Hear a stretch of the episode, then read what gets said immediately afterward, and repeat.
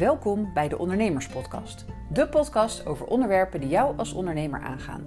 Ik ben Marjolein Hettinga en in deze podcast wil ik jou inspiratie, tips en tricks geven om het ondernemen makkelijker en nog leuker te maken.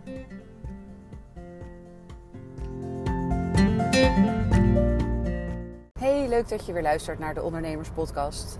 Um, ik ga vandaag wat nieuws proberen, maar dat hoor je misschien al. Ik neem deze podcast namelijk op terwijl ik in de auto zit.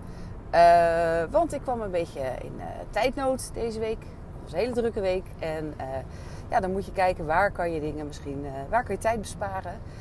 En ik werd ook een beetje uitgedaagd door, door Mirjam Hegger. Dat is een, een podcast-expert van Nederland, kan je wel zeggen. Binnenkort komt zij ook, is zij ook de gast in deze podcast. Daar kijk ik ook heel erg naar uit. Ik heb wat tips van haar gekregen. En uh, zij heeft me ook onder andere uitgedaagd om niet meer al te veel van tevoren op te schrijven uh, van wat ik in de podcast wil vertellen. Maar het gewoon wat meer te laten ontstaan. Gewoon een klein beetje in mijn hoofd. Waar wil ik het met jullie over hebben vandaag? En uh, zonder al te veel ja, van tevoren erover na te denken. Dus ik denk, ik ga het gewoon eens proberen. In het ergste geval moet ik hem nog een keer opnemen. Maar misschien dat dit eigenlijk ook wel gewoon leuk werkt. Um, ja, de, uh, de, de, titel van deze podcast is Dat komt nooit meer goed. En misschien herkennen jullie dat wel uh, als je een uh, beetje enthousiaste podcastluisteraar bent.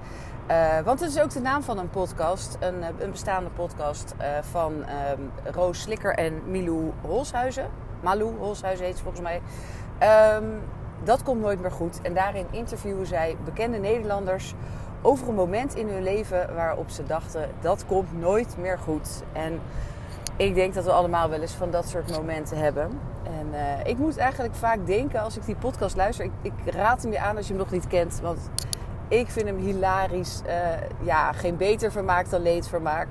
Uh, het zijn gewoon hele grappige, leuke, spannende verhalen soms. Maar uiteindelijk ze zitten er nog, dus het kwam ook uiteindelijk natuurlijk wel weer goed.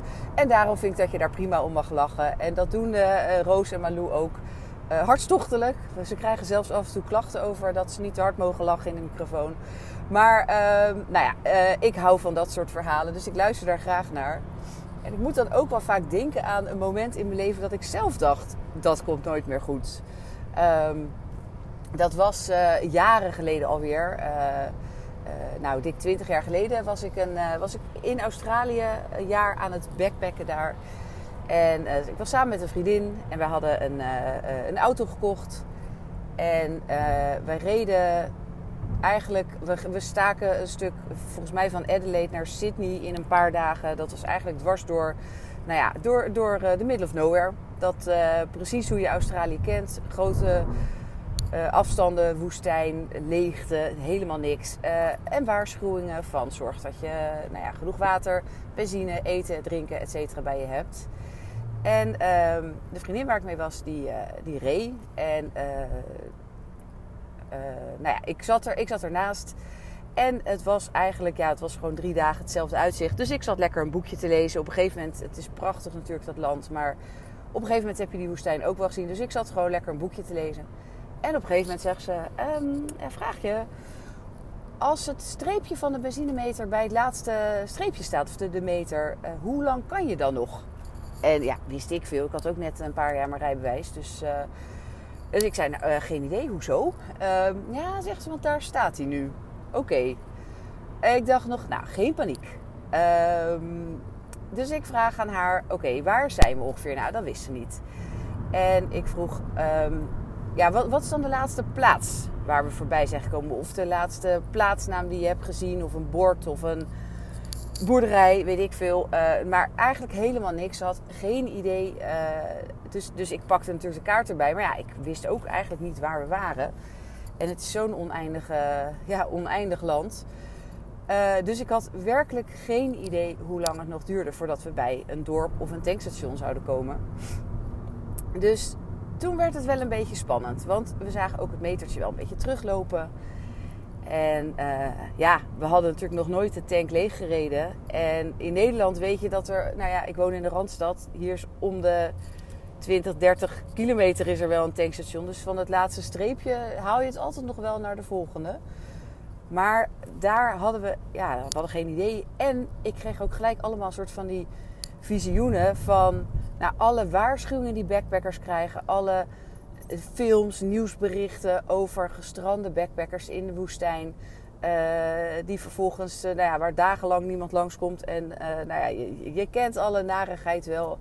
Uitdroging, eten op, drinken op en nooit meer wat van gehoord.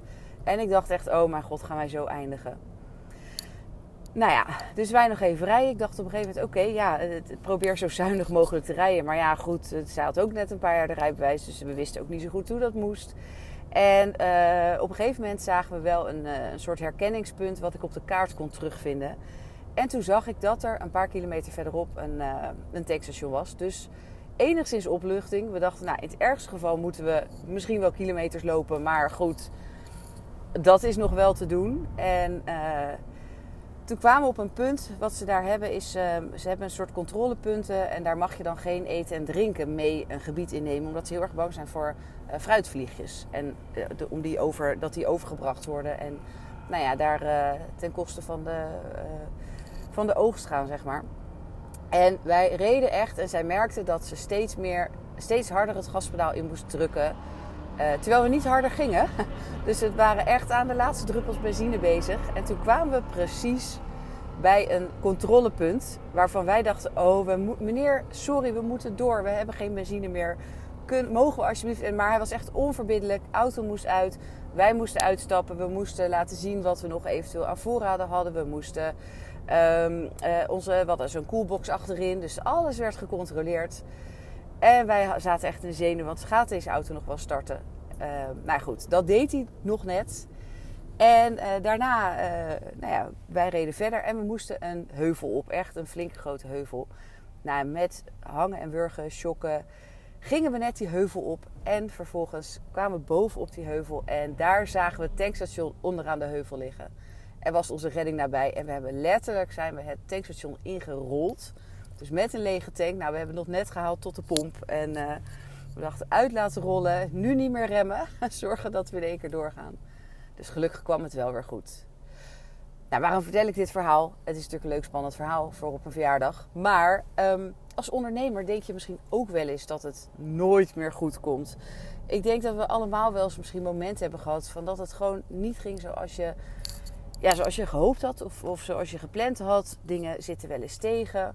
Um, ik weet nog, ja, als starter, ik was mijn bedrijf begonnen. Uh, maar wat wist ik nou van ondernemen? Dus ik had op zich alle kennis in huis om klanten te helpen. Maar ja, hoe kom je aan die klanten? En uh, nou ja, voordat, ik, uh, voordat ik mijn bedrijf begonnen was, had ik net, was ik een jaar op wereldreis geweest. Dus mijn spaargeld was ook wel een beetje op. Ik had niet echt een buffer waar ik nog maanden mee toe kon. En toen had ik voor het eerst in mijn leven heb ik ook echt geldstress gehad. Uh, dat ik echt aan het eind van de maand dacht: hoe ga ik in hemelsnaam de eindjes aan elkaar knopen? Hoe ga ik mijn rekeningen betalen? En dan kwam er wel weer een klusje en dan kon ik weer een factuur sturen. Werd die betaald? Nou, dan had ik weer even wat minder stress. Maar dat heeft best wel vaak geduurd. heb ik ook wel eens gedacht van komt dit nog wel goed? Maar goed, ik had ook geprobeerd om een baan in loondienst te vinden. Dat lukte ook niet. Er was ook niet echt een alternatief. Dus ik denk dat je als starter ook wel eens die stress hebt. En dan is het eigenlijk de kunst om toch er vertrouwen in te houden dat het wel goed komt. Niet gelijk, ik hoor best wel eens vaak starters, of die zijn dan net een jaar, anderhalf, twee jaar bezig. En het levert nog geen gouden bergen op. En dat ze dan het alweer hebben over, ja, misschien moet ik wel een baan in loondienst ernaast nemen. En dan, wat ik dan altijd zeg is: probeer het nog, als je het nog enigszins uit kan zingen, geef het nog even de kans. Laat het, ja, kijk even, uh, ga daar keihard aan werken om het te laten slagen. Maar geef het niet na een jaar al op. Want ik weet dat heel veel starters dat doen. Nou, we kennen de cijfers vast wel. Maar um, wat is zo zonde? Want je hebt gewoon een opstarttijd nodig. Het komt over het algemeen wel goed als je maar door uh, weet te zetten. Maar vorig jaar, toen corona uitbrak, was natuurlijk ook weer zo'n moment dat waarschijnlijk ook ondernemers dachten dat komt nooit meer goed. Ik heb dat ook even een paar dagen gedacht. Zo in het begin, weet je, toen de lockdown begon en iedereen.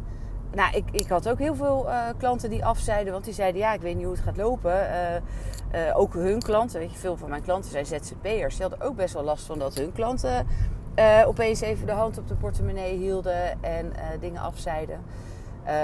veel, sommige bedrijven gingen ook dicht. Ja, die hadden geen inkomsten meer. Ja, dat is niet zo gek dat ze dan ook even geen, of gaan proberen zo min mogelijk kosten te maken. Dus heel begrijpelijk allemaal. Maar ehm, ja, dat is ook weer zo'n moment van: komt dit ooit nog wel goed? Nou ja, dat in de praktijk weten we, het zit wel eens tegen. Het uh, loopt niet altijd even lekker zoals we gehoopt hadden. Uh, maar eigenlijk komt het bijna altijd wel weer goed. En weet je, ook dit soort momenten. Dus als je als in je bedrijf denkt het komt nooit meer goed. Achteraf, en dat zie je soms pas veel later, leer je er vaak ook van. Dus is het ook vaak een goede, ja, een goede les voor jezelf. Je, wordt er, je komt er vaak sterker uit. Uh, en het kan ook iets zijn waar jij van leert en wat jij aan je klanten weer door kan geven. Veel ondernemers doen iets waar ze heel goed in zijn of waar ze zelf ook bijvoorbeeld ervaring mee hebben. Dus zo'n goede leerschool kan ook weer een, uh, iets moois zijn wat jij aan je klanten door kan geven. Ik sprak gisteren, was ik op een netwerkbijeenkomst en daar uh, sprak ik met iemand, een, ja, eigenlijk een bedrijfscoach, businesscoach, consultant.